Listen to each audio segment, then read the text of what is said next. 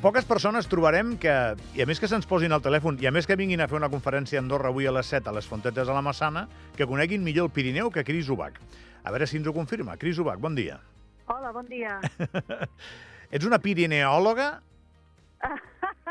Mai m'ho havien dit, però no m'hi trobo pas. Uh, el que passa que, clar, he escrit ara un llibre del Pirineu que, en què he estat treballant dos anys i mig i, i clar, al final unes quantes cosetes he après del Pirineu, i tant. M'interessa molt el concepte de pirineòloga perquè els que són dels Pirineus, per exemple, qui et parla, eh, no tots tenim una versió completa dels Pirineus. Eh, Clar. tenim la nostra, que, home, evidentment serà més completa que la d'un urbanita, però no, no, si em demanes pels Pirineus que toquen a França, per exemple, des del País Basc i tal, o sigui, no, no estaré molt posat, eh, de no ser que hi hagi passat pel que sigui. I, en canvi, algú que s'ha documentat, que hi ha, través, que hi ha passat, que ha fet un llibre, com és el teu cas, doncs ens ajuda molt. Per tant, la xerrada d'avui eh, promet moltíssim. Eh, Explica'ns una miqueta què exposaràs avui. Doncs mira, uh, la idea és explicar-vos, als que vingueu al Teatre de les Fontetes de la Massana, uh, una mica quines, quines històries he trobat supercurioses als Pirineus, perquè, com has ben dit, uh, moltes vegades eh, tenim una realitat dels Pirineus que és una, no? la, la que nosaltres hem tingut més a prop, però després a la que et mous, en el meu cas, com que vaig estar-me documentant i viatjant molt pel territori, vaig descobrir coses increïbles, o sigui, eh, històries molt, molt especials, Eh, I jo, jo em considerava coneixedora dels Pirineus i, i treballant en aquest llibre em vaig adonar doncs, que no ho era tant, perquè Mhm. realment hi ha, a cada poble hi ha una història digna de ser explicada, no? I, i això és una mica el que avui, eh, avui explicarem una mica en el teatre, doncs, eh, unes quantes d'aquestes històries que, que després doncs, he plasmat en el llibre.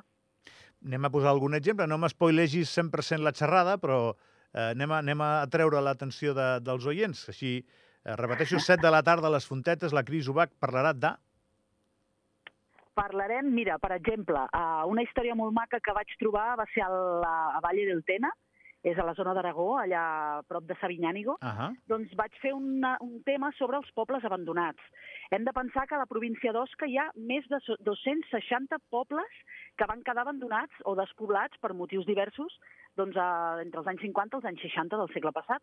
Llavors, per exemple, una de les entrevistes que jo faig en allà és l'última habitant d'un d'aquests pobles eh, doncs, que van quedar abandonats als anys 60, doncs una senyora de 90 i molts anys, doncs, que em va atendre a casa seva i em va explicar doncs, com era la vida en, aqu en aquests pobles en aquella època. No? 260, em semblen molts, eh?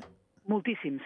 Ah, Hem de pensar que són pobles que es van abandonar entre els anys 50 i els anys 60 i, i, i és, és la, la dada uh, de pobles que, que avui en dia segueixen... Alguns uh, només queden quatre pedres i d'altres queden estan gairebé sencers. És, és, és digne de veure. Jo no, no els vaig veure tots, però em vaig, em vaig passejar uns quants i déu nhi Alguna cosa havia llegit, Cris, que volien intentar recuperar bona part d'aquests pobles, eh, repoblar-los amb gent que busqués un entorn més amable, més tranquil, saps? I Sí. no sé què se n'ha fet d'això. I qui, i, I qui ho impulsava? Mira, el, el que passa... Aquí hi ha dos, jo- hi ha dos tipus de pobles eh, abandonats. Uns són els que es van abandonar de manera natural, és, és a dir, eh, en el moment en què es posen de moda les, les ciutats, diguem, la gent viu, veu la vida de ciutat i a la que marxen uns quants, tots van darrere i el poble queda buit, una mica el que està passant avui en dia a alguns llocs, no? que la gent decideix que, que se'n va viure a ciutat és més còmode que viure doncs, en un poble que li falten moltes coses. No? Aquesta va ser una de les, una de les coses i l'altra va ser eh, pobles que en el govern franquista el que es va fer és que el govern franquista els va comprar i, el, i van fer fora la gent d'allà. Llavors, què ha passat? Aquests pobles que es van abandonar de manera natural, sí que alguns s'estan recuperant, alguns eh, eh, doncs habitants, no els habitants però que hi havia hagut, sinó els seus descendents, han volgut recuperar les cases familiars i alguns se'ls han, se les han arreglat i han fet una casa rural o, o hi ha gent que se les ha arreglat per si mateix, però en canvi els altres pobles que van ser comprats pel govern franquista són pobles que ningú hi pot tornar perquè ningú és propietari d'aquelles vivendes, amb la qual han quedat totalment abandonats i, i mai segurament es podran recuperar, a no ser doncs, que l'Estat fes alguna, alguna acció, no? Estava pensant ara mateix, per què Franco volia despoblar poblets petits d'Osca? Eh, eh, que sona estrany? Doncs és una cosa ben curiosa. Quin Mira, propòsit estratègic podia tenir això? Mira, jo t'ho dic, el... tu, saps que, tu saps que en època de Franco la foto clàssica del dictador va ser inaugurant pantans. Sí. Els pantans van ser una de les seves grans obres, mm, va- vamos, d'estat, per dir-ho així, no? Sí. Llavors, en aquella zona de- d'Aragó es van fer molts pantans. Què passava? Totes aquestes eh, vessants de muntanya que s'havien eh, tallat els arbres doncs, per fer cultius, per tenir bestiar, etc etc, eh, això amenaçava, eh, en el moment que hi hagués pluges, de que hi haguessin esllavissades i tapessin els, els pantans. Llavors, què van fer?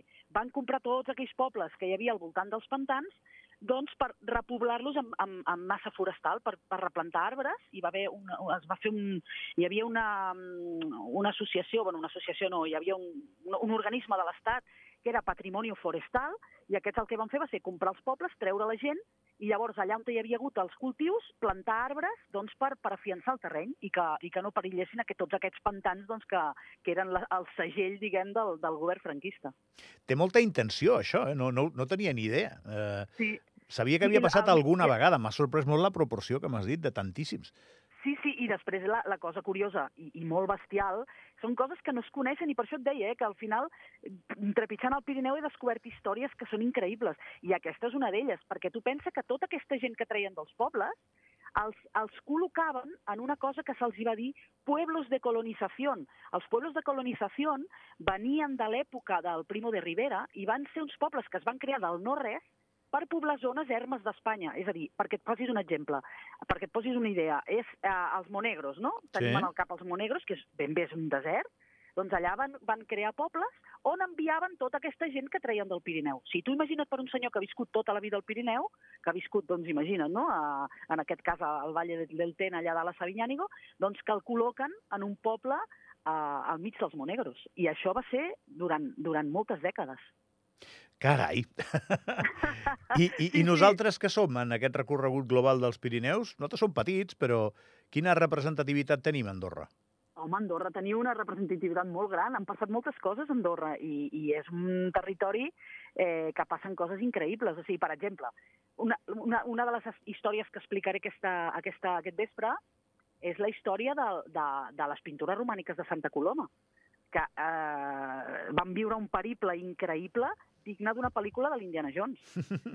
Eh, bueno, vosaltres a Andorra, els andorrans ja ho coneixeu, però molta gent eh, que m'ha escrit, que ha llegit el llibre, em diu, ostres, aquesta història de, lo de Santa Coloma, això? I dic, sí, sí, això és ben bé com ho explico.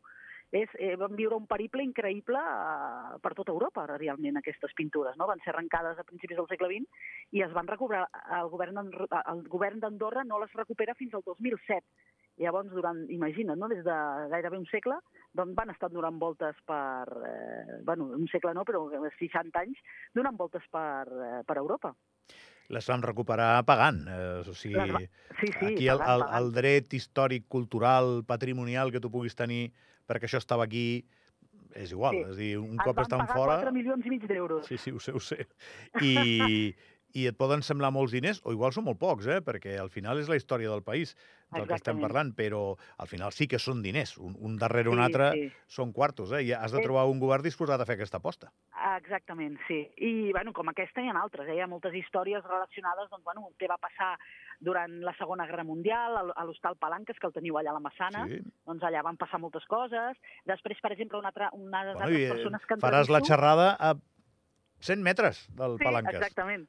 Sí, sí. I, i una, altra, una altra de les anècdotes, eh, una de les històries que explico andorranes, és eh, sobre les, les restes neolítiques que teniu en el país, que són importantíssimes i són les més importants de tot el Pirineu, no?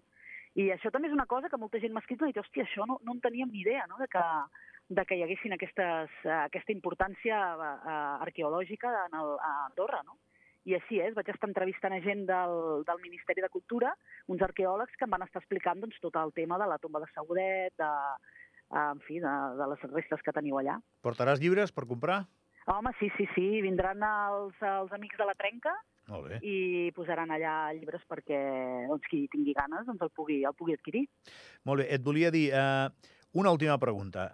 M'he dedicat bastants anys al periodisme esportiu i, Sí. i he detectat, eh, és molt visible, eh, no, no és ni un secret, eh, la desconsideració històrica del, de l'esquí de competició cap als Pirineus.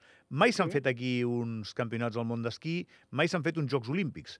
tot, eh, els Alps els han fet, no diria que 50 vegades, però un munt, no? Sí. Eh, no sé per què ha passat això, perquè les serralades, potser les muntanyes són menys empinades, no sé com dir-te, però és, és, un, és un fet històric. Els Pirineus tenen com menys glamour davant de determinades, determinats altaveus històrics del, del món de les muntanyes. Sí, la veritat és que no, no sé, en aquest, en aquest cas en concret, desconec per què, però jo, és, és, una, és una idea, o sigui, és una, una opinió personal, eh? Jo crec que aquí hi ha molt de, té molt de joc la política, eh? I té molt en joc la política a nivell global, europeu, eh? Sí. No? Els Pirineus sigui- francesos van perdre la batalla amb els eh, Alps francesos, per exemple. Sí, exactament. De molt, Llavors, de molt. Sí.